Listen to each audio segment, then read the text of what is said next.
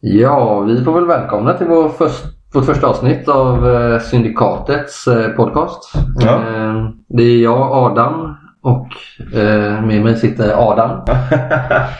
ja, just det. Hej! Hej! Vi, vi ska vi börja med att berätta vad, vad är Syndikatet Adam? Ja, men Syndikatet, det var en...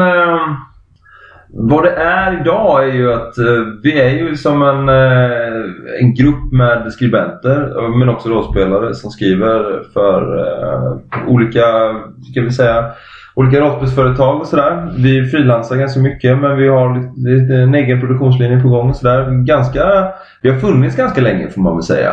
Men... Eh, har- Hur, hur började det? Mm. Ja men det började, alltså, det började ju, hela började med att eh, eh, Fria Ligan eh, skaffade ju rättigheterna till Coriolis, 2000, 2010 där någonstans, 2000, 2009. Svårt. Som vi under tiden eh, spelade. Ja, vi var väldigt, aktiva spelare i Coriolis. Vi var, det var väl nästan där vi spelade Nästan uteslutande. uteslutande där. Eh, Spelade lite Trudvang också kanske. Ja, varvade med och lite, lite Götterdämmer och ja Demonet. Så. Men eh, det, det, tog, det tog nästan all tid över rollspelstid. Eh, vi hade lite mer av den tiden då också. Vi, vi pluggade på universitet de flesta av oss. Eh, men vad hände då? Jo men... Anledningen till att jag frågar är att Mm. jag själv då, var, jag var ju inte jag var inte med, eller jag, jag tackade ju i princip nej nästan. Jag dissade ju nästan. eh, ja men det gjorde du ju. eh, Så jag hade lite annat för mig på den Mm. tiden. Och, Nej men visst så var det Adam. Alltså, du, hade du var ju mycket inne i skrivande, annat skrivande då får man ju säga. ja. och ville fokusera mer på annat. Men du var ju alltid med som en eh, ciceron skulle jag vilja säga som liksom kunde vägleda. Vi kunde alltid bolla idéer med dig. Och ibland så fick vi ganska bra svar, ibland så fick vi ganska mediokra svar kan man säga. Ja, men jag, under perioden så kan jag säga att jag kanske också led av någon serious case av eh, nerdshame. Ja. Eh, Det var väl det som ju spelar in för min del. Mm. Men det är ett annat eh, avsnitt. Ja, definitivt nerdshame, det är bara det. Vilka var ni då som började?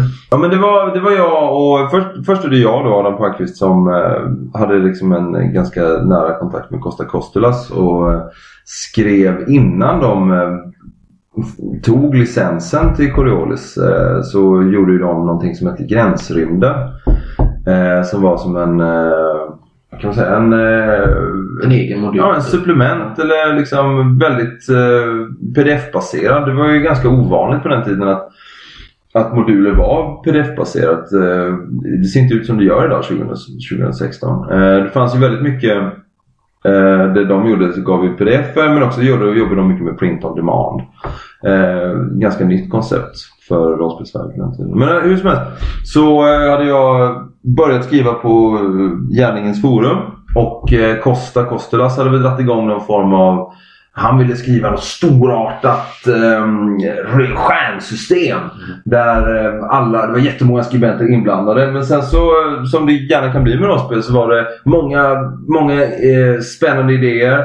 Och många personer som var med och ville driva det här projektet. Men så droppade många av. Och till slut kändes det som att det var bara jag och Costa som, som var kvar i, liksom, i den här tråden. Och skrev och sådär. Sen så höll jag och Costa lite kontakten. Och sen så, så frågade Costa mig. Eller jag frågade Costa om jag kunde skriva någonting till gränsrymden. Och först så började vi spåna om jag skulle göra någon sån här eh, stadsdel i Jackroom. Som, de, eh, som deras modul kommer kretsa runt då. Men, eh, det, men sen så kom jag med en annan idé som eh, handlade om, den baserades väldigt mycket på The Thing. Den John Carpenters, eh, en av hans för tidiga filmer. Med Kurt Russell? Men Kurt Russell ja, med väldigt eminent och vackert skägg i den. Eh, och det blev ju det, det var det som rann ut i det som blev Iskallt Inferno då.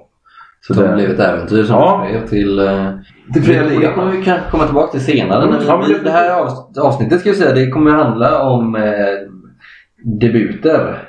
Eh, vi kommer tala om eh, hur det är att eh, debutera som rollspelare.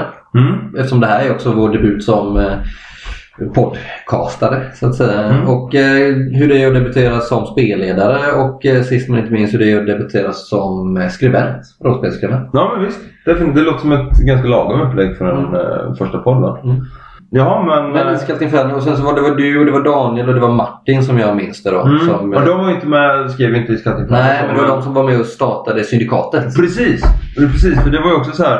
Eh, när väl eh, fria ligan hade lagt rabarber på eh, Coriolis-licensen så började vi jobba med, vi hade en idé om någonting som kallades pelarkvadanten. Det var någonting som vi provkörde lite sådär och Costa de tände till på idén när de fick se, eh, skriva sig lite utkast och sådär. Så de blev pepp. Eh, vi skrev lite stämningstexter och sådär. Och då frågade, då kom det väl liksom fram vad, vad ska ni kalla er? De hette ju Fria Ligan. Och eh, jag, Martin och Daniel kom ju liksom aldrig fram till vad vi skulle heta. Det var ett Vem kläckte idén liksom? Ja, det var faktiskt Daniel. Daniel Palm. Jag ville att vi skulle heta Rymdmaffian. Efter... Båda två är ett bra namn tycker jag. Ja, Rymdmaffian var ju någonting som jag hade plockat från eh, den här Cobra Rymdpiraten. Ja, Den det, det låter ju också lite mer eh, seriestuk på det. Liksom. Ja. Seriemagasinstuk snarare. Och medan Syndikatet, det är ett namn som jag känner, det funkar ju som tur var att det blev Syndikatet då, No offense Adam. Men det funkar ju i alla typer av rollspel. Och det är väl Ja. egentligen vad Syndikatet är nu. Nu, nu är det ju inte längre inriktat mot eh, Coriolis eh, enkom. Utan eh, Mm. vi eh, sysslar ju med andra genrer också. Mm. Eller hur? Ja men definitivt. Eh, Så syndikatet funkar väl lite mer... Liksom. Mm. Ja men det, Syndikatet var ju också plockat ur den här fraktions... Det fanns ju ett gäng olika fraktioner i det här eh, originalspelet och Syndikatet. Det är ju även fria ligan på den. Ja men precis, precis. Eh, sen bedrev vi en blogg ett tag. Eh, där vi fick ganska många unika följare som följde upp och kollade liksom var väldigt intresserade av det vi skrev. Och sen skrev vi färdigt manus till pelarkvadanten och sådär. Så att, ja, men, eh, och sen så var det lite stiltje ett tag. Men nu är ju syndikatet men på alla cylindrar får man väl säga. vad, vad är syndikatet nu liksom? Vad vill vi? Alltså, just nu känns det väl som att syndikatet är väl en grupp frilansare som ändå försöker ha sina fingrar i så många syltburkar som möjligt. Ja men definitivt. Och den här podcasten är väl också egentligen ett sätt att försöka nätverka lite Mm. på de sociala mediernas Ja men definitivt. arena. Vi har ju, alltså, vi har ju kontakter både med Fria Ligan som eh, men också har vi kontakter med eh, Ja, vi kan ju säga att vi mm, skriver lite till Helmgast ibland och eh, ibland... Du har ju kontakter med Helmgast eller Mm. jobbar lite för dem. Daniel exempelvis eh, har väl jobbat, kanske inte som syndikatet-medlem men han har väl i alla fall eh, jobbat lite för järnringen Mm. på ett sätt som bör nämnas kanske. Eh, Ja. Och sen, eh, vad, vad är det med, jag glömmer något. Nej, inte sådär. Ingenting vi kan gå ut med i den här podden. Men du och jag de sitter ju och filar på ett eh, nytt rollspel som förhoppningsvis kommer komma ut eh, eh, om något år eller sådär kanske. Mm. Vi behöver inte gå in på det nu men det är väl det vi gör liksom. Mm.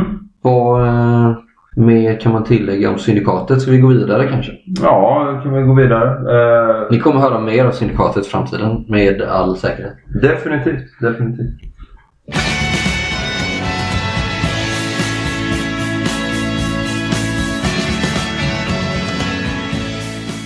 Så eh, hur var det egentligen? Hur började du spela rollspel? Ja, men ja alltså. Jag, jag är framförallt intresserad av liksom, hur var ditt första spelmöte? Det är det jag är in, är intresserad av. Men det var ju precis som jag säger, det var helt magiskt. Jag fattar. Alltså det var så att vi var hemma hos, hos Jocke och Anton, de var ju brorsor. Eh, och bodde granne med mig. Eh, vi hade väl, det var väl någon kväll när de... Eh, vi hade väl, brukade ju eh, spela liksom Nintendo 8-bits eller sådär liksom. Men vi kände att eh, vi hade väl klarat Mario, vi hade väl liksom ingenting, ingenting som låg i, i pipen där så att säga. Men och sen så var eh, Jockes brorsa, hans äldre brorsa Fredrik hade ju en Amiga 500. Och, eh, men eh, han hade tagit med sig den för att han skulle liksom åka iväg till sina polare. Så att vi kunde inte gå och tjuvspela på den, men brukade vi göra när Jockes brorsa var, var borta. Då. Men Jockes äldre bror Fredrik hade ju glömt någonting annat. Och det var ju Drakar och Demoner. Eh, 1985 års upplaga. Mm. Som eh, Jocke spelade. Eller som Jockes brorsa. Och jag, Anton. Jag hade ju, kände inte till det här. Och Anton hade ju hört om det. Och Anton fick inte vara med och spela. Eh, för Han var lillebrorsan. han var lillebrorsan, han var min son. Eh, och Fredrik för Fredrik då. Men sen så då hade Jocke varit med ett par gånger. Och plockade Jocke plockade fram det här och, vi, eh, och då fanns det lite färdiga karaktärer som de hade gjort. Och eh, Jag kommer ihåg att första karaktären jag spelade var en minotaur. Oj jäklar! Ja, så att det var helt, jag fattade ju jag fattade ju ingenting. Bara, Men vad är spelplanen? Vad är pjäserna? Jag trodde att vi skulle spela... Jocke hade ju någon sån här typ, eh, eh, typ Jakten på Diamanten eller, eller typ Joakim von Ankes Hur gammal var du då om jag bara får hoppa in här? Tio kanske, tio elva. Ja, Okej, det var så. Ja, gick väl i eh, trean, fyran går man där någonstans då kanske. Ja. Eh, och vi kör loss där. Jag spelar den här minot... Jag, Anton spelar en anka som är magiker och jag spelar en minotaur. Och vi, eh, jag tror att det är um, Jocke, jag vet inte vilket äventyr du spelar. Jag tror Jocke friformar men det blir ändå förbannat jävla bra faktiskt. Mm. Ursäkta lite svär. Men att vi åker in i den här byn och det har hänt någonting i byn. Jag kommer inte Om jag får bara sticka in där så tror jag alltså, oavsett om han hade gjort ett skitdåligt jobb så hade du förmodligen tyckt att det var det bästa du spelat. Mm. Men det är tes jag återvänder till sen eh, Mm. när det blir min tur. Fortsätt. Ja men faktiskt. Sen så skulle vi utreda. Sen så, jag kommer ihåg det första liksom själva Själva mötet. Att jag så här, han lägger fram en karta framför oss. Ja men var vill ni gå någonstans? Så vi pekar på ett hus. Så bara, kommer fram där så var det en kyrka. Och eh, där gick vi in och där var det någon, en tjuv som hade typ så här bakbundit prästen och liksom stod och roffade åt sig kyrksilvret. Och, så här. och där så här, vad gör ni liksom? Hur agerar ni? Och ja, jag förstod ingenting tills eh, Jockes brorsa Anton lägger ett eldklot med sina anka och, och, liksom träffar den här tjuven och jag fattar så här. Det här vill jag göra jämt. Det här är ju skithäftigt. Men vad... eh, För det är ju det som är lite så det svåra för en person som aldrig spelat rollspel. Att fatta att det handlar inte om att ha en spelplan på ett bord liksom, utan Mm. att du snarare gör någon slags visst. inre Eh, Ja. resa. Liksom. Att det går väl närmast lite med någon typ av skådespeleri. Men alltså, jag hade ju jätteproblem med att fatta det när jag, jag kom in på det via Daniel då, i Syndikatet som jag talat om. Ehm, och jag var ju mycket äldre. Jag, var ju, jag känner ju fortfarande den idag. Jag, skulle, säga, jag gick i ettan på gymnasiet då när jag spelade första gången. Och Daniel och jag hade ju kommit i samma klass där. Liksom. Han sa, men jag tror du skulle gilla rollspel. För vi pratade mycket om historia och eh, olika fantasy var jag intresserad av. Och, och sådär liksom. Och han sa hela tiden till mig men du kommer nog älska att spela rollspel. Jag bara, men vad är det då? Berätta då. Jag var jättenyfiken. Och han gav, han liksom var inte så ingående. Du måste, du får komma hem till mig och så spelar vi så får du se vad det är liksom. Ett undfly, alltså det, det, går inte riktigt att beskriva. Du kommer, jag var ju jättenyfiken. Men vadå? Vad gör man och hur funkar det? Ja men det fattar jag liksom. Det måste ju varit liksom... För det är ju spel men det är ju ändå roll som är prefixet. Vad liksom, vad, vilken roll? Vad har jag för roll? Liksom? Om han hade sagt det mig idag, om han hade liksom hisspitchat det för mig idag så borde han ju bara ha sagt liksom så här, ja men det är som att det är som improvisationsteater fast mycket mindre teater och du har regler lite som i ett tv-spel eller som i ett bordspel. Alltså, och att du ska vara en viss karaktär. Alltså du vet sådär. Mm. För att få, och så, så att man då ska, ska lösa ett uppdrag och, och lite så. Alltså du vet att man på den ingången, för mig blir det så här, jag fattar inte. Det är en sån, alltså icke fysisk aktivitet. Ja men definitivt. Det är så här, också en sån som du säger, en strukturlös aktivitet. Som är, jag tycker det är ganska imponerande att så unga människor som 10-11-åringar, 12-åringar, 13-åringar kan hantera det här. Alltså för den är så oerhört strukturlös. Ja, men samtidigt så ligger det ju ganska nära. Alltså, är du 10-12 år så är du i den åldern precis när du kanske så slutar leka. Ja. Du ringer din kompis och säger hej ska vi leka? Vid en viss tidpunkt så börjar du säga hej ska vi vara? Eller Ja, ska vi hänga? Det är, det är en aktivitet som krävs. Liksom. Och det är ju den åldern det är perfekt egentligen att introducera rollspel. För att jag kommer ihåg när jag var kanske 12-13 års ålder så känner jag mig egentligen för gammal nu för att hålla på och leka och hoppa runt och låtsas att jag är fan- fantasyfigur liksom. Men ändå hade man lite det behovet. Oerhört. Det tror jag att alla människor har. Ja, då tror jag att rollspel är en bra ingång där. Mm. För mig kom det dock eh, senare, men jag hade inga problem med, med det då, det här med eh, själva teaterskapandet. Utan för mig, det som slog mig mest eh, var ju, jag spelade med Daniel och så spelade och vi spelade Trudvang. Ja, just det. Då hette det Dot 6 eh, kallades det då. Det var det jag precis det är Riot Minds? Right, product. Eh, Det var det första jag spelade och eh, jag blev ju väldigt imponerad för det räckte liksom med att Daniel sa att ni går i den här mörka skogen och ett sakta regn, eller sakta snöfall eh, lägger det här och så plötsligt så var det jag och två andra då, spelare eller deras rollpersoner möttes vi där i någon skogsdunge. Och det idag en ganska lam inledning men då var det jättemäktigt. Liksom. Ja, men hur, hur, hur kommer det sig att vi springer på varandra här mitt ute i ingenstans? Ja. Jag var genast ifrågasätta Sense of wonder är Ja, liksom, men det ja, blev ett stort mysterium. Liksom. Vilka är de här figurerna? Men det jag inte visste var ju att det var att spelaren egentligen var ganska lat. Han hade inte orkat introducera oss på något bättre vis. Det gjorde man kanske inte heller då. Utan det var ju det klassiska att du möts på ett värdshus. Ja. Eller i det här fallet en vägkorsning mitt ute i skogen. Eller som jag och Anton då, vi var på en båt på väg in i den här hamnen. Liksom, Ja. eh, vårt första möte. Liksom. Ja. Det var ingen större alltså, intriger i det där. Liksom. Idag krävs det ganska, eller spelarna kräver, det märker jag. Vi spelade faktiskt senast igår kan vi säga. Mm. Vi har en annan podd där vi eh, har, håller på med action play. Och spelar Simarumba. Eh, eller det vet jag för jag är ju spelledare. Mm. Vad heter det? Men eh, där jag skulle introducera en av karaktärerna, eh, ja, Erik Herlin skulle ju eh, vara med. Och eh, när jag höll på att skriva till honom att eh, han har varit borta ett tag så märkte man att när jag, jag kunde inte bara skriva du är där och du är där. Han bara, "Ja, men vad gör jag där då? han ställde en massa motfrågor till mig hela tiden.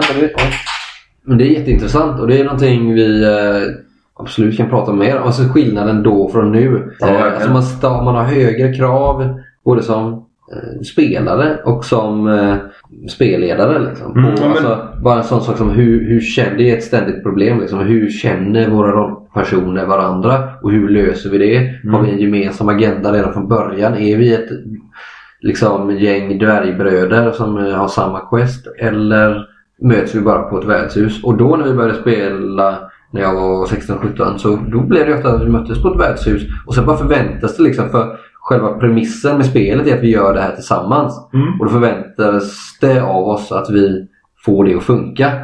Men när jag spelade första gången så förstod inte jag riktigt den premissen utan jag undrar vilka är det? Det, är okej, det är en präst. Och sen så är det någon annan eh, filur. Jag spelade dvärg. Jag ville egentligen spela hob men Daniel tyckte det var för töntigt.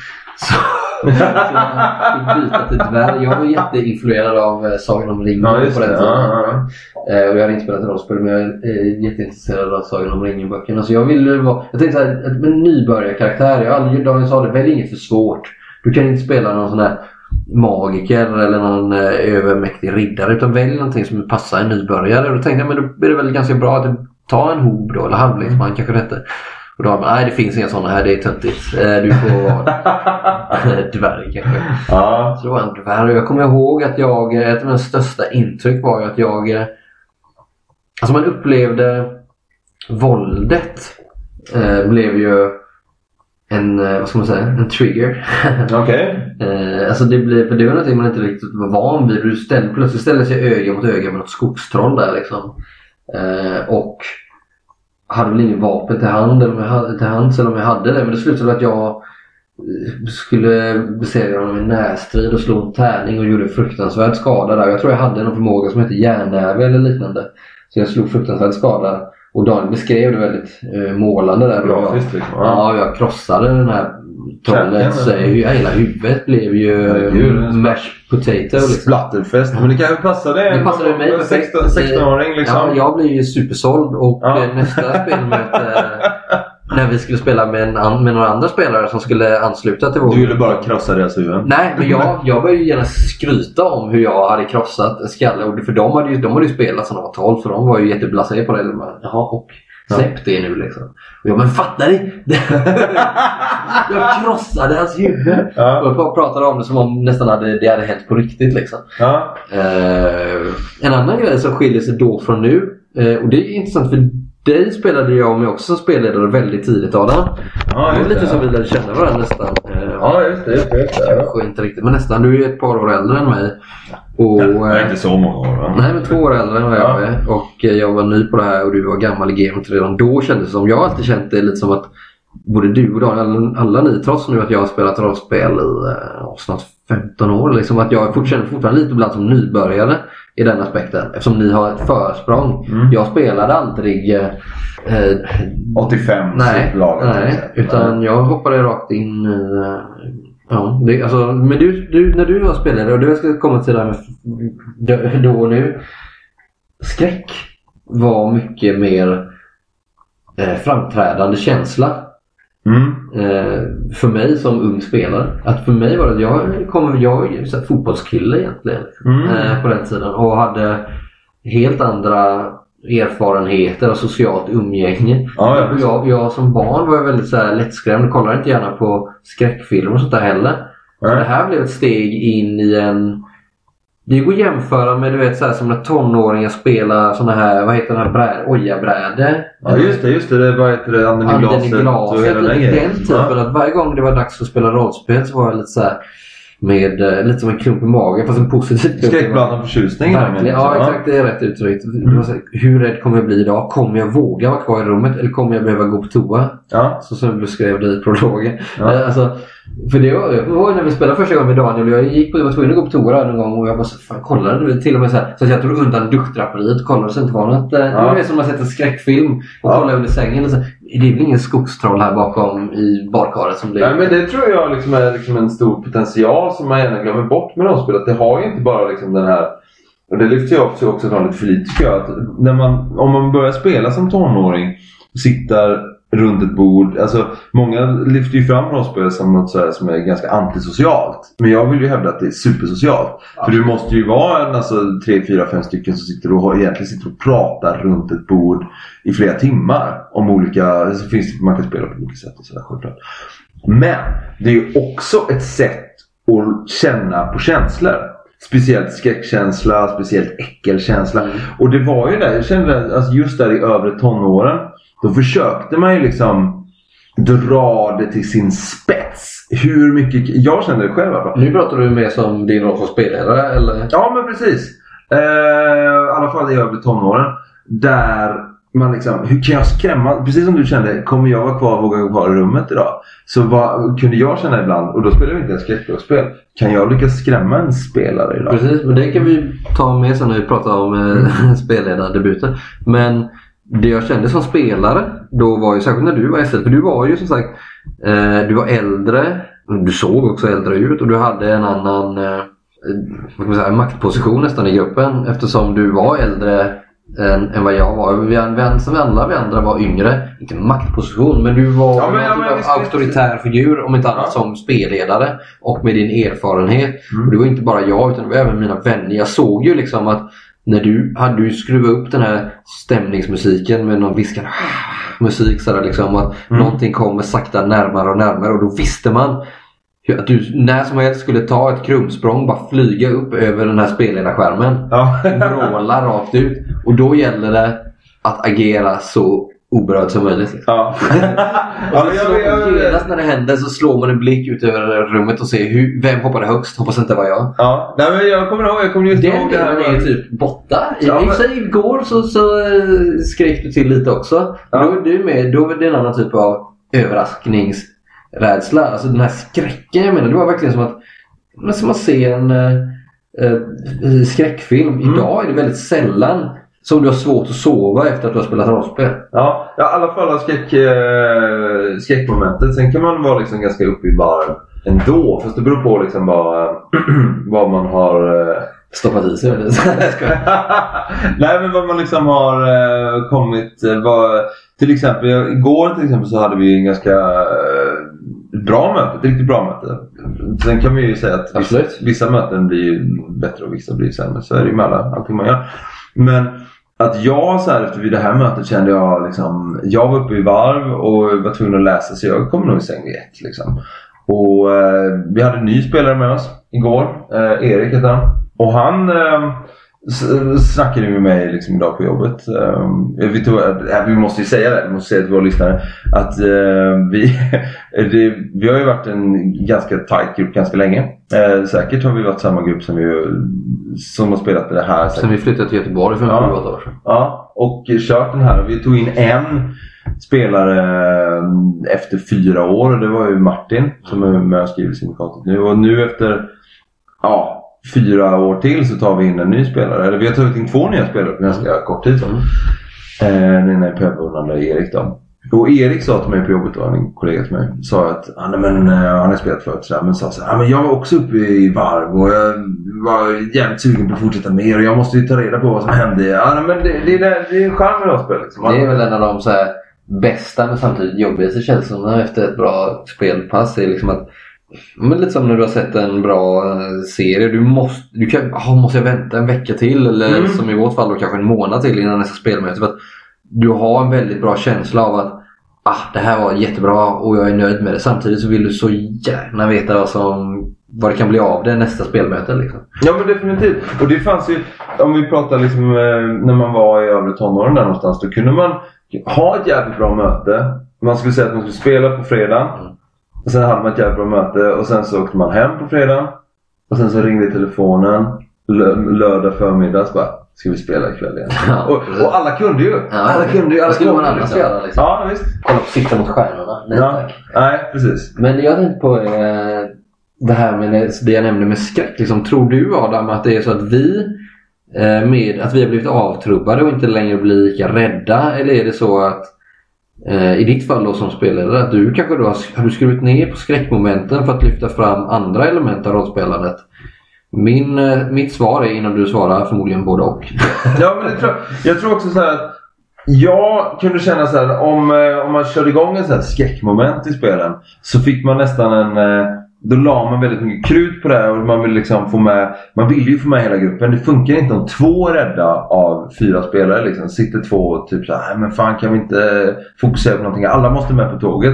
Så det, är- det är en utmaning att liksom få med alla på tåget. Men sen också så här om man, om det, man kör det varje spelmöte då blir det inte skräckigt. Liksom. Det blir inte, eh, Eh, man får inte den känslan. Så eh, då kan man försöka utforska andra känslor. Men det tycker jag är en tankeställare man kan ha som spelledare. Att vilka känslor vill jag förmedla och få mina spelare att känna när, i det här äventyret, den här spelsessionen. Ibland behöver man ju mycket comic relief och ibland behöver man eh, känna skräck. Ibland, ibland känner man ju så här att spelarna, och det tycker jag är viktigt att parera som spelare också. Alltså, man vill ha eh, en riktig jävla actionrökare liksom. Och då får, man, då får man backa för det och bara köra. Man Nej, får- men mm. jag, jag håller helt och hållet med dig. Jag tänkte bara på en sak du sa, eller det du nämnde innan här, det här med att eh, alltså, du kan spela på fredagen och så spelar du lördagen också. Ja. Och, och, alltså, det var ju verkligen för oss nu då som är eh, pushing 30, Ja. eller lite över då. Eh, vi minns det ju nu som en så här förlovad tid när vi kunde spela hur mycket rollspel vi ville. Liksom. Mm. Eh, Det är väl egentligen inte hela sanningen. Vi hade ju läxor och vi hade kanske fotbollsträningar. Eller du vet, det var ju det klart att livet var som det var då med. musik och sådär. Liksom. Ja. Men det, vi minns det ändå som en förlovad tid. Och det jag tycker är mitt största minne, eller liksom det jag, det jag känner från att, eh, mitt intryck som, som spelare och min debut är ju att jag känner mig lite så ibland eh, som spe, både som spelledare och som eh, spelare är att jag eh, att man är lite som en heroinist som eh, Mm. du vet, så här, jagar den här första Kickan igen liksom. första hajen som du fick på den här jungfruresan. Och det är lite så än idag. Att det, det, du kommer ju aldrig få samma liksom, ovillkorliga sense of wonder som du upplevde när du eh, testade rollspel första gången. Oavsett om din, roll, om din spelledare var eh, liksom, världsmästare eller om han var korpen. Ja. Korpenligan. Alltså du, Ja. det, det, det, är ju en aha-upplevelse. Personligen så hade Mm. jag, inte du heller, men jag, du hade i alla fall grannar. Jag hade ingen storebrorsa. Jag hade inte heller någon äldre kusin eller någon granne som kunde inviga mig i det. Mm. Jag minns redan från när jag var yngre. Alltså när man kanske gick på låg och mellanstadiet. Man hade kompisar som de hade en storebrorsa. För det var nästan alltid en brorsa. Som Ja, det får man ju definitivt säga. Ja. Det du det. som, som, som kunde. Och då kom man hem och så hade man sådana actionfigurer men man visste inte riktigt vad han hette och vad man hette på riktigt. Och man var med i Cobra eller man var med i den. Du vet, det, fanns, ja. och det fanns alltid någon som visste. En storebrorsa som visste och kunde reda ut begreppen. ja, Eh, och det hade aldrig jag. Eh, och inte du, men du hade i alla fall dina grannar. ja, ja Det var din väg in. För det är nästan alltid så du börjar. I mitt fall började ju mycket senare med Daniel. Eh, där han fick bli min låtsasbrorsa. Men vi får ju också säga skoja. Vi började ju, alltså jag började spela någon gång på 90-talet. 91, 92 där någon gång. Eh, då var det ju, kulturen var ju på väg att dö. Mm. Det var ju, var ju en oerhört stiltje när jag kom in och speciellt det som fanns. Eh, eller kanske var det, i och för sig kom Dodd 91 där liksom. Men sen så 94 där någonstans. Då började den här riktiga moralpaniken slå an. Det kom ju fatt rollspelen. Eh, vad heter det? Och sen så tyckte jag att eh, äventyrsspel blev Target Games. De gjorde eh, Drakar Demoner Kronopia. där det var liksom stora axelplåtar. Och och eh, MUTANT blev MUTANT Chronicles. Eh, som också var väldigt så här, någon form av... Det var någonting annat Ja. än... än Men, ja, men det var väl en eh, liten sån... eh, Så att det, behö- det vill, Ja. för att knyta till det Ja, tidigare. nej, att det behövdes Det jag tror dock... en transcendering mellan generationerna. Det vill säga. Precis. Samtidigt tror jag nog, som jag har förstått, eh, som jag förstått utan att vara där själv, att det ändå spelades säkerligen rollspel även under 90-talet. Inte lika mycket som kanske tidigare på 80-talet. Och sen, jag vet inte alltså, vad, vad det var som fick det. Men nu är det ju en, ny, en ny vår så att säga. Ja, verkligen. Med Kickstarter, alltså hur mycket som helst. Är så här, eh, mycket slår väl an till den här, kan väl inte sägas nog. Men om man lyssnar på svenska poddar idag, eller poddar överlag, så pratar man ju alltid om Stranger Things och vad de har gjort för, för 80-talskulturen. Och framförallt D&D då. Eh, men det, men det, visst spelades det på 90-talet. Jag tror att det är då E.ON kommer in och fyller det här stora det är E.ON som gjordes av Neo Games på, eh, på 90-talet. Eh, fyller den här stora luckan det som äventyrsspel lämnar efter sig. Liksom, med Target Games. För det finns ingen vad man kan säga liksom eh, slagskepp inom fantasyspel i eh, Sverige. Och det får ju en oerhört... Vi spelar ju inte E.ON. Eller vi hade ju kom, jag tänker också att eh, du, du har ju, du nämnt det innan, det kommer ju liksom eh, Lord of the Rings eh, trio- trilogin Ja, men det är väl typ 20, tidigt 2000. Ja, liksom. 2001, 2002, 2003 tror jag de kommer. Eh, jag vet inte hur mycket det är. Skitsamma, vi behöver inte gå in för mycket på det nu. Eh, vi kan, eh, det där får någon annan reda ut. Det är Ja. inte riktigt därför vi är...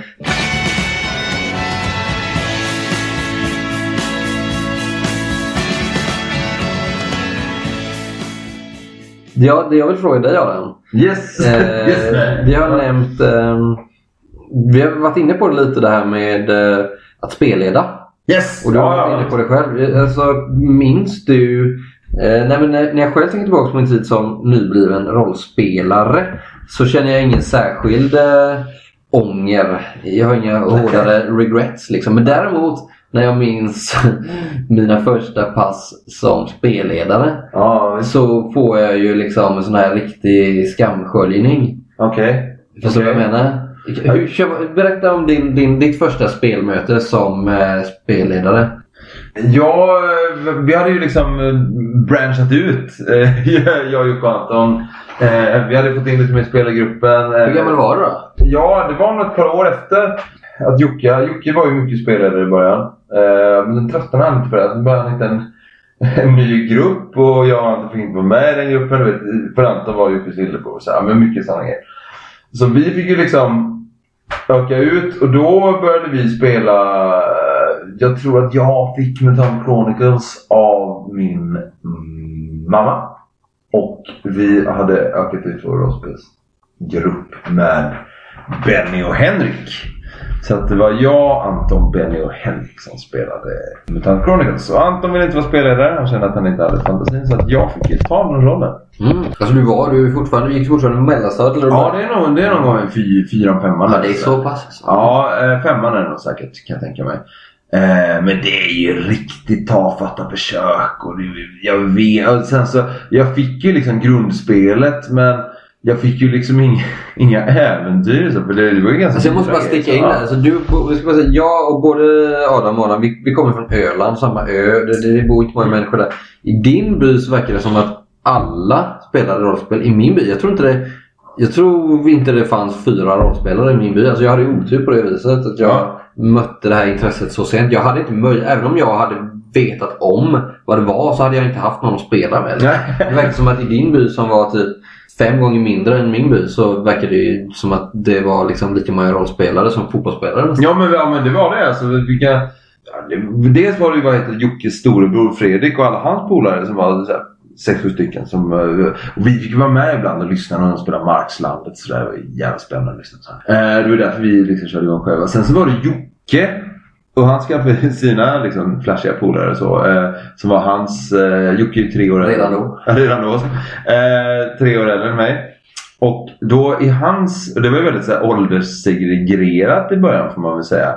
Eh, att Jocke som var tre år äldre skulle ju spela med sin åldersgeneration då. Och av en händelse så var faktiskt Bennys brorsa Jimmy var ju med i den spelgruppen. Det fick inte jag Anton, Benny och Jimmy och Henrik vara med. så, men så att vi började lira. Men sen så vad heter det? Men du var SL då? Ja, ja, ja, fan förlåt.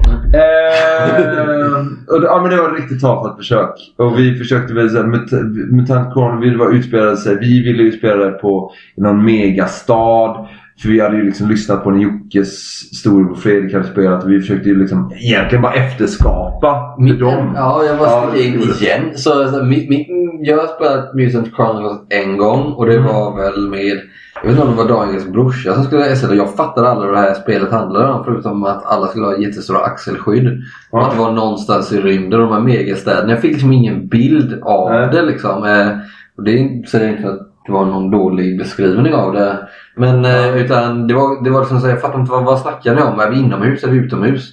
Nej. Förstår du? Det var Ja, men jag liksom- fattar också för grejen är att de hade ju spelat MUTANT 2089 men det fick inte inte att köpa på marknaden längre. Så vi, jag fick ju MUTANT Chronicles min mamma. Så att vi ville ju egentligen bara spela det de spelade. Så att vi låtsades ju typ att vi var i den världen fast med det här regelsystemet. Ja. Så det var lite, det var lite pajigt lite upp och ner så här. Och jag för mig att de var på någon, eh, de var på någon fest och sen så var det väl Nej, det blev, det blev ingen bra liksom. Fast det var, vi hade jävligt fest? Eller Men var de fest? var på, alltså hela spel Ja, utspelade sig så var det någon Så var lite unga återigen för att vara på fest. Nej men Ja, okej, de var, in på, alltså, var liksom, på spel, spelargänget var på en fest och de skulle, så var det någon som försökte, alltså själva plotten var väl att det var någon som skulle sälja droger där. Och de skulle Va? Redan då? Ja men de, det var, Jag visste inte vad droger var när jag Ja men det var så här, det finns en backstory för det här såklart. För, eh, Norra Möckleby som jag kommer ifrån var ganska liten. Och då hade vi ju hört En om... blomstrande drogkultur. Nej absolut inte men så här, Kalmar låg ju nära och så. Eh, och då, så nära. Ja, men Ja, ja, ja. förhållandevis. Fan. Knallknästet. Eh, Men lyssna nu! Ja, ja, du pratar... Ja, så. Ja. Vad heter det? Nej, men så hade vi då hört att det var en någon av våra stora syskon, för jag har ju två systrar som äldre, som hade varit på fest och så hade någon försökt och så var det så här, det var själva liksom plotten i den här nu låter det som att jag pratar om rollspel, men det jag inte. Jag pratar om den här festen då. Den riktiga festen. En anekdot här. Ja, precis. Där, var- förmodligen var det Antons storebrorsa, Anton Jockes storebrorsa Fredrik som hade då blivit erbjuden att köpa cigaretter.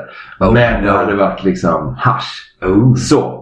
Och då hade han sagt nej. Och då hade jag ju är liksom... jävligt dumt av Fredrik för att alltså, även om han inte ville bli hög så hade han ju i alla fall kunnat sälja det vidare. Alltså, vadå, vad, vad är en cigarett värd liksom? Fyra spänn.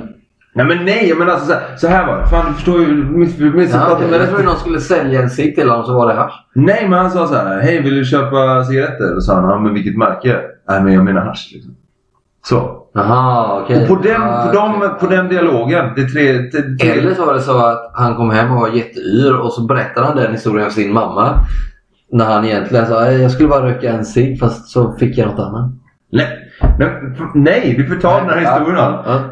På de tre, vill du köpa cigaretter? Mm. Och då säger han, ja, vilket märke? Mm. Nej jag menar hasch. Det byggde jag äventyret på.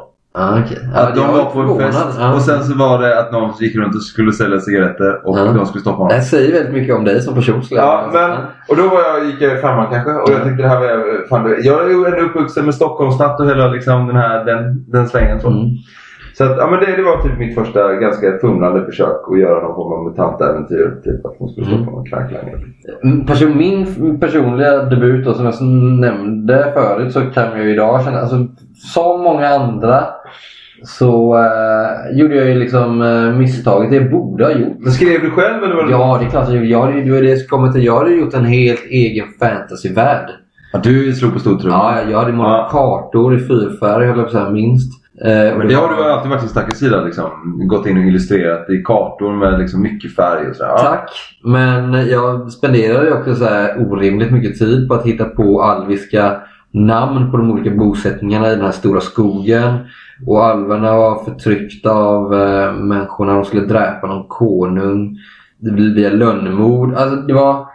Det var, det var inte skitdåligt men det var ändå pinsamt. Alltså hur mycket tid jag la på det här och hur dåligt det var. Även om det inte var skitdåligt så...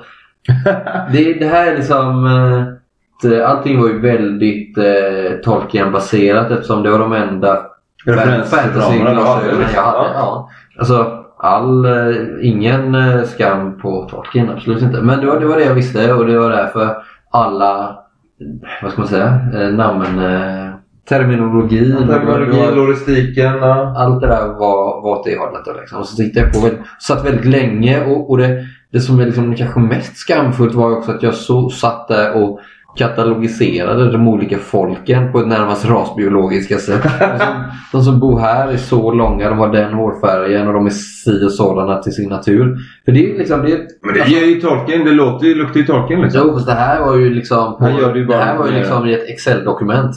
På Ja, okej, okej, liksom. ja. och, och, och det är ju lite så här, det, det, men samtidigt, jag kom också från, jag var ju extremt fotbollsintresserad och satt och hade ju alla de statsen i huvudet fortfarande. Hur lång var Zinedine Zidane och hur lång var Thierry? Alltså du vet så här, Ja, det det. var viktigt för mig. När var de födda och hur var, alltså, och allt det där liksom. Det var en typ av... data, Ja, en typ av struktur som jag annars inte hade. Särskilt inte när jag var i skolan och sådär i övrigt. För då var det väldigt svårt att liksom få ihop vad, vad vill läraren att jag ska ha? Vad är det för struktur som krävs av mig? Särskilt som jag var lite av ett airhead och sällan kom i tid. Eller kunde ta en halvtimme för mig att gå till skolan och det egentligen borde ta tio minuter. Eller liksom ta två minuter. Mm. Så att jag gillade att strukturera upp det och att vara väldigt kategorisk när det kom till folk och raser och allt möjligt liksom. Mm. Men det, det, det var ju inte det värsta. Var ju inte att det var politiskt inkorrekt av mig. Utan det, eller det var det väl så här i efterhand kanske. Men det, det försämrade ju också spelupplevelsen för mig. Men framförallt för mina spelare. Att man hängde upp sig för mycket på... På data liksom. Ja, Ja. precis. Känner du igen det? Ja, jag känner igen det i, i den mån att jag vet att det är många...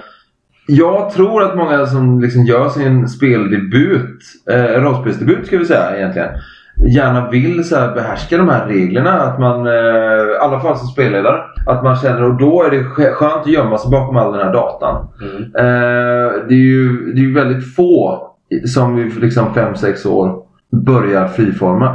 Utan då vill man ju ha lite mer tärningscrunch, man vill ha lite mer data. Man vill... Själva regelsystemet ska jag säga, det hade Ja. ju bara eller hade ju bara tagit rakt av Mm. från det vi hade spelat som var väl någon slags...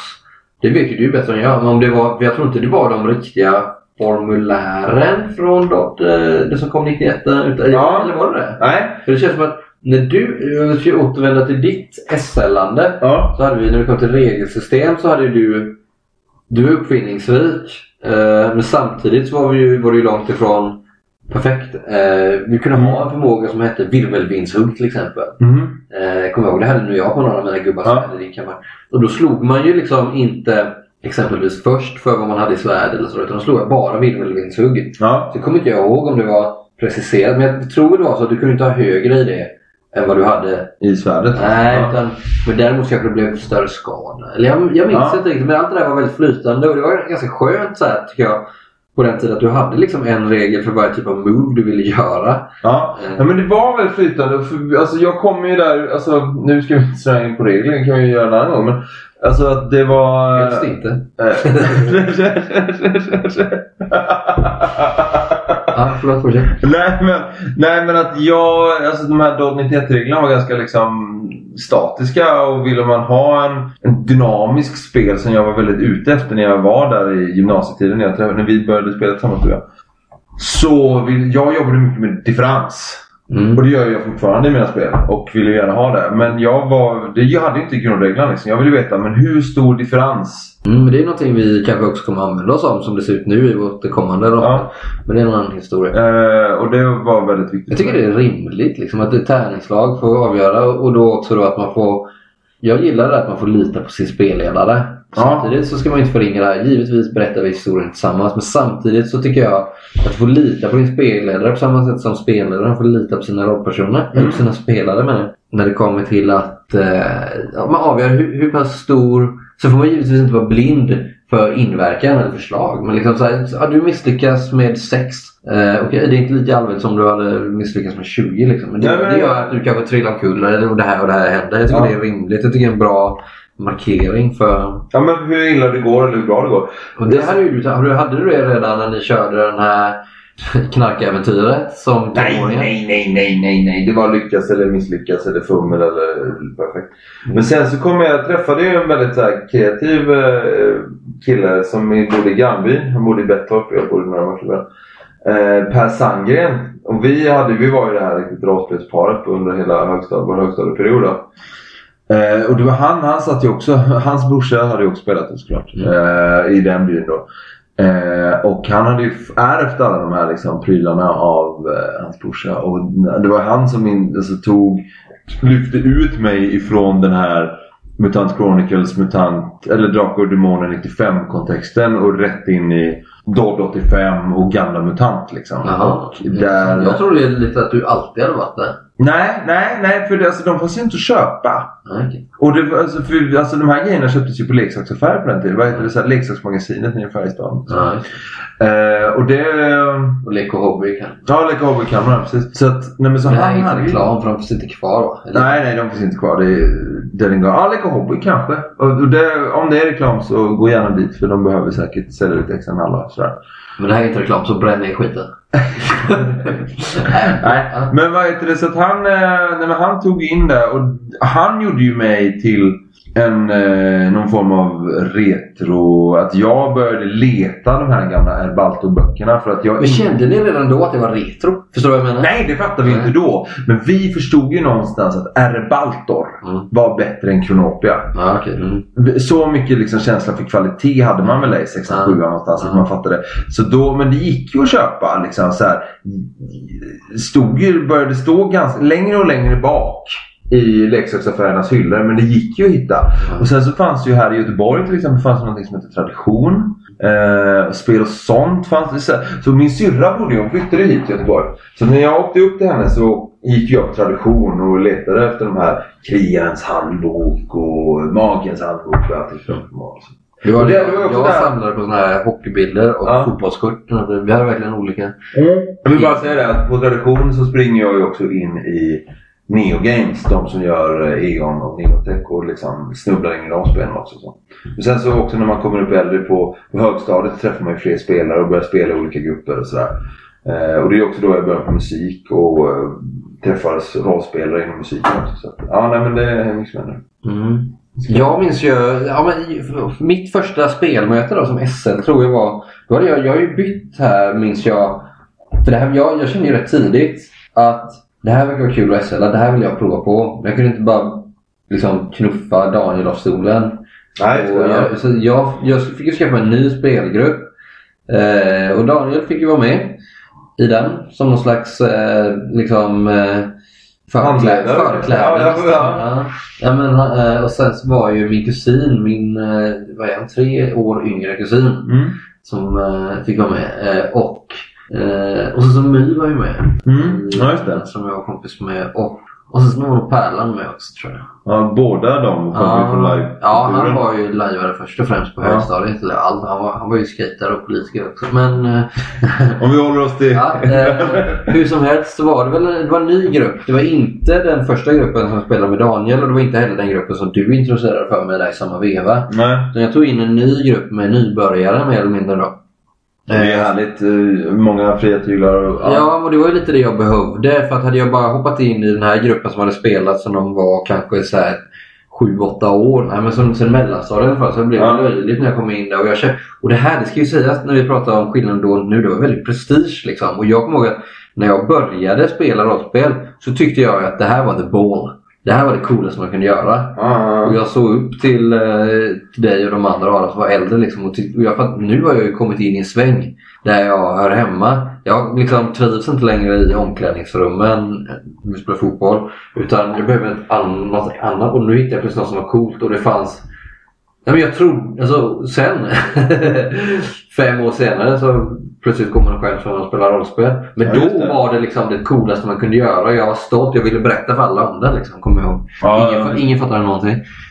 Oavsett så, så, så, så skaffade jag den här. Jag, var- jag var liksom rädd att bara ta den scenen. Så jag, jag skaffade en ny, lite mindre scen. Ja, visst. Lorensbergsteatern istället för Dramaten. Ja, ja visst, visst, visst. Inget fel på någon av dem. Eh, hur som helst så eh, gick det väl helt okej. Och eh, det var, det var ganska roligt. Så jag kommer ihåg framförallt att min kusin eh, Rickard som han hette. Han, han lyckades, jag tror han lyckades slå... Jag tror han, han och jag, jo jag tror jag hade övat lite på honom innan. Mm. Eh, att köra lite single play bara för att se hur det gick. Mm, Och- en liksom. Ja, och, och, och liksom eh, öva på honom som sagt. Och det hade funkat bra och han hade lyckats rätt bra med tärningslagen och vi tyckte det var rätt bra. Han, det var ju det roligaste var ju att rulla tärning. Och när det väl var dags då, och det var ju också en sån här grej, hur ska det här gå? Han är tre år yngre. Han gick liksom i sexan kanske, eller någonting när vi andra gick på gymnasiet. Då. Eh, Ja. eller sjuan kanske. Sjuan, Skitsamma, ja. jag gick i sjuan och var ändå i ettan. Och det var också lite ett, eh, en chansning där. Och han lyckades fumla tre gånger tror jag. Oj då. Det var Ja, ju knappt han trodde. Alltså det var ju, jag bara, men kan du inte bara ljuga? ja nej, men visst. det blev ju jobb. Det var ju som man, samtidigt var det en ganska snäll grupp.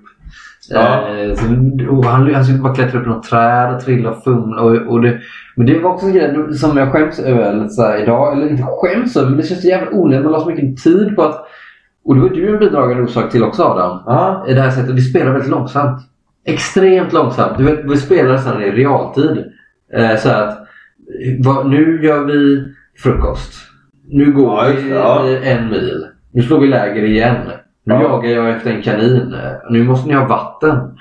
Ja, Ja, ett, däck, ett hjul har gått sönder på kärran. Förstår du? Allt det där. Du, du kanske spelar så någon gång och jag anammade det. Så det blev som att, att ta sig 10 mil borde du kunna säga ja, ni har tagit er 10 mil och resan sammanfattas i tre meningar. Istället Ja. så spelade man liksom varje jäkla ömmande minut. Ja, ja, men, ja men jag, jag förstår precis vad du menar. Jag vill liksom göra en paus där för att kanske rädda mig själv lite. För jag eh, tidig debut och väldigt sådär. Eh, och sen så gick jag med i rollspelsföreningen med Sverok och sådär. Som hade en, eh, skickade ut en, eh, en föreningstidning som hette Sverox. Där Åke Roselius, eh, ingen aning vad han gör, eller Roselius kanske, eh, minns inte. Han hade så små strippar på det här, liksom, alltså små eh, tre rutor med liksom, serietidningar. Där han hade en sån seriestripp. Om du lyssnar nu Åke, så om jag minns det fel så får jag be om ursäkt. Men det är så här jag minns det. Du kan mejla oss på... På syndikatet.se så kan du mejla oss. Så kan du mejla strippen om jag inte kommer ihåg det. Eh, men alltså, och då hade han tagit upp då vad som händer om man snabbspol, vad som kan hända om man har ett snabbspår och rollspel. Och då var det så här, alltså går, det som var kontentan var att ja, det går fyra veckor. Och sen så ska det vara slumptabeller som gör det här. Så, så helt plötsligt så står ena gruppen står helt redo att resa. Och sen så slumptabellen gör att en är såld som slav, en har förlorat ett ben. Och, och det anammade jag ju liksom med hull och hår. Inte förstod nog att det var någon form av komisk situation där. Jag var ganska ung och Så jag helt plötsligt så trodde nej det här går ju för fan inte. De kan ju inte missa någonting. Så att jag var ju väldigt noga med att det här skulle ju liksom finnas med. Varenda litet krök på vägen så skulle ju liksom... Ja, men jag, jag känner igen det där. Man vill liksom berätta hela sanningen. eh, Liksom. Hela historien. Ja, allt det där som var untold tidigare måste nu fram, Åke. Så, men det är också, så hade vi inte gjort det då så kanske vi hade gjort det än idag. Ja men precis. Och det är det här som är så viktigt Åke att förstå. Att den där, det var ju så missvisande att jag borde ju haft en ciceron här som skulle kunna handlat med att så här funkar det inte riktigt. Men ja fan. Det var, det, du fanns tillgänglig och du räddade mycket i mitt liv. Men här, ja kritik.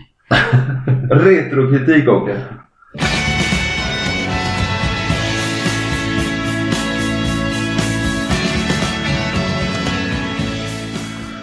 Som vi nämnde tidigare, Iskallt Inferno Adam. Det var väl eh, din eh, debut som rollspelsskribent, eller? Ja, i alla fall i officiella sammanhang får man säga. Man hade ju varit lite så här forumit och eh, hankat sig fram och eh, skrivit lite ditt Är det ett nytt, eh, alltså så här, när de presenterar nästa års eh, Saul, Forumit?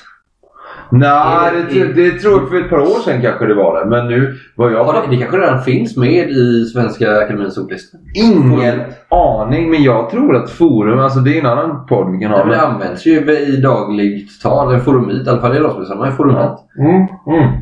I- Det borde, det borde, hur långt, hur många år, om det inte, re- fan brasklapp, men om det inte redan finns, hur lång tid tror du det tar innan det finns med i Svenska Akademiens Jag tror att forum är dött. Facebook har liksom uh, ut Så du tror aldrig att det kommer komma in? Nej, jag tror- forumit? Jag tror inte det. Jag säger eh, två. Mm. Peter Englund, du är inte sekreterare längre, men om du hade hört det här. Maila. Ja, Hur som helst, Horace. Vad heter det? Nej men jo men så det var väl min liksom första, första jag kommer ihåg att det, det var ju liksom ett, eh, Fria Ligan blev ju väldigt, eh, de blev jävligt pepp på eh, Iskallt Inferno.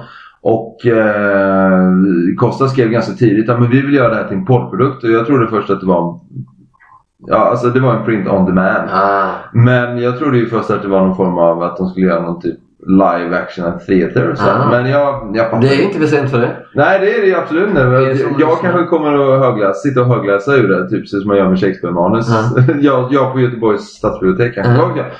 Eh, nej men så det blev sen så det, det breakade ju, eller det nådde väl den stora massan på Stockholms spelkonvent 2010 tror jag. Hur stor massa snackar vi?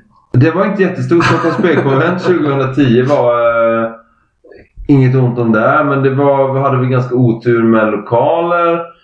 Eh, jag hade varit på Stockholms spelkonvent innan och spelat MUTANT. Det var ett par år tidigare. Och då hade det legat, liksom, legat i, på cybergymnasiet mitt i stan. Var det ett ovanligt svagt år menar du? Ja, för de hade liksom flyttat ut långt ut i någon förort i någon sån här eh, flyg, gammal flygplanshall sådär. Så att, och, den, var, och den var på tok för stor för den lilla ensemble som hade kommit tagits ut dit. Var det lite som den här, för er som gillar hockey, eh, som Martin gör. Var det lite som den här säsongen i NHL när de hade en lockout och det bara var 40 matcher istället för 80? Kan tänkas att det var något liknande. Eh, jag tror att Stockholms spelkonvent la ner ganska eh, något år efter Ja, det. blev döden. Liksom. Ja, det var döden för liksom Stockholms spel. Mm. Det, det var en ganska så här eh, fruktbart konvent ett tag i alla fall. När det låg på, på cybergymnasiet. Och jag vet inte vad det låg i Nacka kanske. Ja, men skitsamma. Skit i det! Men hur som helst, så var jag där och jag hade ju ändå läst. Eh, var ändå ganska, jag tyckte i alla fall att jag var ganska beläst på den tiden, 2010. Så att jag förstod att om jag, det var ganska få föranmälda till ganska få evenemang. Men det var ganska förhållande, det var fler personer på plats än vad det var föranmälda på alla evenemang. Så att vad jag förstod någonstans att man var tvungen att göra reklam för sitt. Så att jag började skriva, jag började så här kopiera upp och sätta upp skyltar på eh, Stockholms spelkonvent. Och det var ett år, det vet jag att Boingen skrev om sen. Hur iskallt är ditt inferno? Mhm. Och det var en riktig tagline. Det var ganska många som nappade på det. Var ganska många som, eh, som hängde på det. Sen så vet jag att eh, i sluttampen så eh, Iskallt Inferno är ju en actionrökare liksom. Och fick ju ganska, ganska mycket kritik för det. Mitt minne jag kommer ihåg, alltså... Du speltestade det va? Eller? Ja, det gjorde jag. Men det var inte det jag skulle... Jag kommer ihåg det, det jag vill komma till. Det är lite det som är roligt med den här punkten. är Att jag minns när du kom hem till oss och kom in i vårt kök. Och du... Eh, det var någonting över det. var som, det var som ett, något slags skimmer. Det var liksom, låg liksom en liten... eh, Den ena mungipan låg Ja. lite högre än den andra. Och så sakta men säkert. Man frågar, du liksom, frågar om ditten och datten. Du svarar inte riktigt. Så liksom, glider det upp ur din ryggsäck ett exemplar av den här färska, nytryckta Ja, luktade ju boken liksom. Ja. Ja. Trycksvärtan var liksom all over. All over me liksom. Ja. Nej men visst, det var coolt. Du, du, jag kommer ihåg, jag, jag tyckte det var asballt. Shit fan det är ju någon som har illustrerat det här du har skrivit. Liksom. Ja, ja, visst. jävla fan. Och, och det var ju ändå under min eh, dissiga period när jag eh, Ja. trodde att jag var ballare än vad jag var. Liksom. Ja, Men jag, blev på det. Jag tyckte fan vad cool. Jag såg hur glad du var, eller hur stolt du var. Och glad. Alltså genuin eh, lycka. Det här jag har gjort liksom. Det här finns på pränt liksom. Det här kan ingen någonsin ta ifrån mig. Nej men visst lite så var det ju. Sen så har man ju så här, alltså så här, publicerade liksom i akademiska sammanhang och sådär. Liksom. Men det här var ju någonting som man hade levt med. Men gör det inte någonting att det var illustrerat? Någonting, Ja! För jag menar en sak, alltså det är en sak om du har gjort någonting på, eh, på GU, Göteborgs universitet liksom och fått Ja. det tryckt. Men det är liksom ingen, det är ingen som har suttit och formgivit det. Nej. Liksom. Det är ingen som har suttit och gjort illustrationer skräddarsydda för dina imaginära Nej, men precis, och det här var ju liksom- det är liksom, det här, allting i den här boken är gjort efter eh, ditt... Min taktpinne i någon Ja. Nej men jag, jag håller med dig. skapelse liksom. Ja men också, och sen så var det ju någonting som man hade levt med sen man var... Jag kommer ihåg, alltså det var en gång när jag var ute och gick med en, en vän. Hur gamla var vi då? Vi kanske var... Vi gick på, vi gick på gymnasiet så här. Och då hade jag sagt så här till, eh, han hette Tom, Tom Jönsson den här killen. Ja, Tom, någon, någon gång ska jag skriva ett, eh, ett rollspel. och det låter ju såhär, då, men det då, men det var, det var liksom, jävla, nu är det så jävla lätt att göra det plötsligt. Så jag är Ja. jävligt eh, tacksam det. Nej, men jag är glad att det är så. Ja. Eh, det, det är jävligt lätt att säga som att jag har gjort tio stycken själv. Det har jag inte. Men alltså, det fin, det, möjligheten finns eh, Ja. eh, för oss alla andra där ute. Liksom, att bara göra det. Och Mm. Ett exempel är ju, eller ett alternativ är print on demand. Annars så är det ju... Kickstarter är jättestort. Jag skulle aldrig tro det. Crowdfunding för det finns när många vi som har. spelar nu var 18. Även om alla satt och gjorde sina egna rollspel så känns det som att det var mil. Till det var, det var, liksom, det var tryckeriet, 50 liksom, ja. mil till Stockholm. det var 40 mil till Göteborg. Och det var liksom 100 mil till tryckerierna i Polen. Eh, det, liksom, Ja, det, det, det fanns inte på kartan då. Liksom. Nej, absolut inte. Eh, Så- Nej, verkligen. Nej, jag, Nej, men så det var coolt. Det var ascoolt. Alltså, alltså tryckt och publicerad och väl också recenserad i både Fenix och Boningen. Även fast Boningen sågade det. Eh, ni som ni från Boningen lyssnar. Jag, no, no offense, no grudge. Eh, nej, faktiskt inte. jag tycker ni är sämst. nej, men vad heter det? Nej, men vad heter det? Vad ska jag säga? Jo. I någonting som var min kulturform som jag hade levt med så länge. Liksom. Även, Ja. jag är också, I musiksammanhang hade jag gett ut liksom, demos och liksom allting sådär. Men det var ju det här. Det var ju det här som jag hade jobbat med sen jag egentligen var tio år. Mm. Äventyret Mm. Festen kan vi kalla det. det var ju där mitt första och klivet när jag var eh, tidigt 20 där någonstans. Då, när jag i Skattinfärno Mm. träffar, träffar Mm. publiken liksom. Mm. Ja, nej men det, ja, men det var stort. Det var stort. Mm. Även om, ja, så. Själv då? Jag har ju ännu inte debuterat som eh, rollspels eh, skribent av, Ja, den enkla, av den enkla anledningen att jag ännu inte har skrivit någonting. Eh, jag har ju skrivit som ingenting som jag har försökt skicka in. Det, alltså, däremot har jag ju skrivit andra grejer. Jag, Ja, väldigt mycket får man ju säga. Du har varit väldigt aktiv just inom eh, litteraturen och poesin får man ju säga, eller hur? Ja, men jag, alltså det först, jag, jag, alltså jag kommer inte riktigt ihåg hur det kändes. Om du ska, jag beskriver hur, det, hur du såg ut att kännas, känna dig när, när, när du kom med den här boken. Men jag kommer inte riktigt ihåg hur det kändes. För jag var faktiskt väldigt, jag kanske gick i typ sjuan åttan någonting för jag borde bli publicerad. Då, för då praoade jag nämligen på en lokaltidning hemma på Öland. Och jag gick väl sjuan eller åttan och jag hade väl gjort någon sån här liten grej. Eh, sen, eh, så det var det första. Och jag minns inte riktigt. Jag, det, jag- jag, det jag kom ihåg är att jag läste det, fick en kort sensation och att jag sen var missnöjd över någon formulering som jag tyckte var banal. Alltså när självkritiken har förföljt mig. Ja, ja, eh, visst. sen jag var- i sjuan liksom. Ja, och det var ändå ballt att få vara med i lokaltidningen. Så, så jobbade jag lite där. Jag hade lite ströjobb på Mm. den blaskan. Och sen var jag ju på en annan dagstidning i Kalmar. Behöver inte nämna någon namn. Liksom under en kort period när jag var 19 kanske. Ja, just det, just det. Ja. Eh, Skjutjärnssupporter, var Nej, det var verkligen inte min grej. Jag var alldeles för introvert för den där branschen på den tiden. Eh, Ja. det, jag fattar inte. Mitt största misstag var ju liksom, att de, alla de andra reportrarna de samlades ute i fikarummet. Det fattar inte jag. Jag satt ju kvar inne på min, när det var lunch. Liksom. Jag satt ju kvar inne på mitt kontor och eh, Jobbade liksom. jag läste, jag hade smugit med mig, det här är faktiskt relevant eftersom det är en rollspelspodd. De hade precis, uh, Right Minds hade precis släppt Mittland, den boken. Ja, okej. Och jag hade smusslat med mig den till jobbet. Mm. Eh, för jag hade ju ganska mycket dödtid så jag skrev de här artiklarna rätt fort. Och så satt jag inne på mitt kontor som jag hade fått den här sommaren. Eh, Som jag var vikarie från annan. Och läste Mittland. eh, medan de andra satt och eh, Drack kaffe och rökte typ. Ja exakt. Ja det är ju där jag skulle varit om jag hade velat bli en reporter. Sen har jag väl varit... Druckit din beskärda del kaffe och rökt ändå liksom. Ja, sen har jag väl varit eh, publicerad i någon antologi och sådär med poesi. Men det är inte riktigt det här forumet. Men just det, när vi snackar om debut så är det väl det som är mest talande för mig. Det, det är väl ändå det här liksom, eh, alltså som 14-åring att ändå bli publicerad där. Det var väl liksom lite, jag borde nog ha varit mer stolt än vad jag var. Men jag hängde upp mig på att, men det, fan vad, varför, varför, jag tror jag hade att jag, så här tror jag, jag vet att det var så här att min handledare på den här tidningen hade kommit in till mig och sagt Använder jag, det här, här ska jag ge dig några lätta ledtrådar in i yrket. Du kan säga så här den har sålt som... De, de, de här gick åt som smör i solsken. Vad är det liksom? Det är ju jättedåligt. Men jag bara okej, okay, då får jag skriva det. Så jag, så jag la in det i min artikel.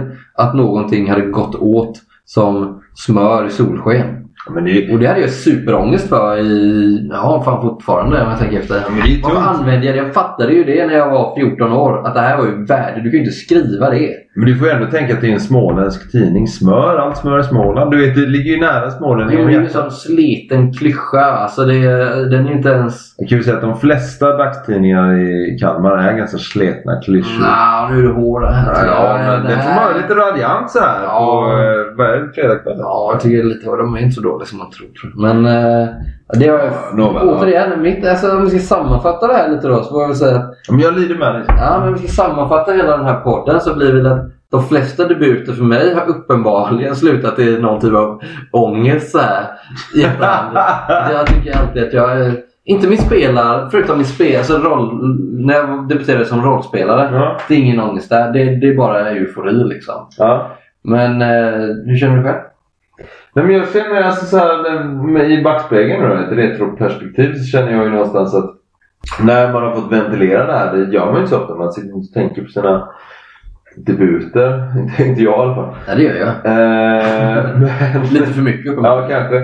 Men eh, man tänker att alltså, de, är ju, de är fyllda med lust och glädje. Och det är ju någonting som driver en framåt. Det är liksom det som har liksom varit vägen in i hela kulturen man säga. För man får ju ändå säga att kalla den kultur. Så att, eh, ja, men det har varit en väldigt ett, eh, ska jag säga, befriande eh, samtal. Mm. Där, ja. Nej, men det säger väl kanske lite om oss som personer, hur vi ser på våra respektive debut. Eh, mm. Vi ska väl kanske avsluta Syndikatets första podcastavsnitt på så, Ja. på så sätt. Första gången. Också en debut kan man säga. Ja, det, är ju det är därför vi valde temat. Liksom. Eh, Behöver inte skriva våra lyssnare på näsan så att säga. Inte ens för allt smör i Småland. Ja, men sammanfattningsvis kan man väl ändå säga då att eh, dina debuter är väl så här i retrospekt. Eh, du minns dem med viss lust. Eh, medan jag eh, snarare känner viss ångest över mina olika debuter. Inte som rollspelare men som kanske som spelledare, som skribent och kanske även de eh, sexuella.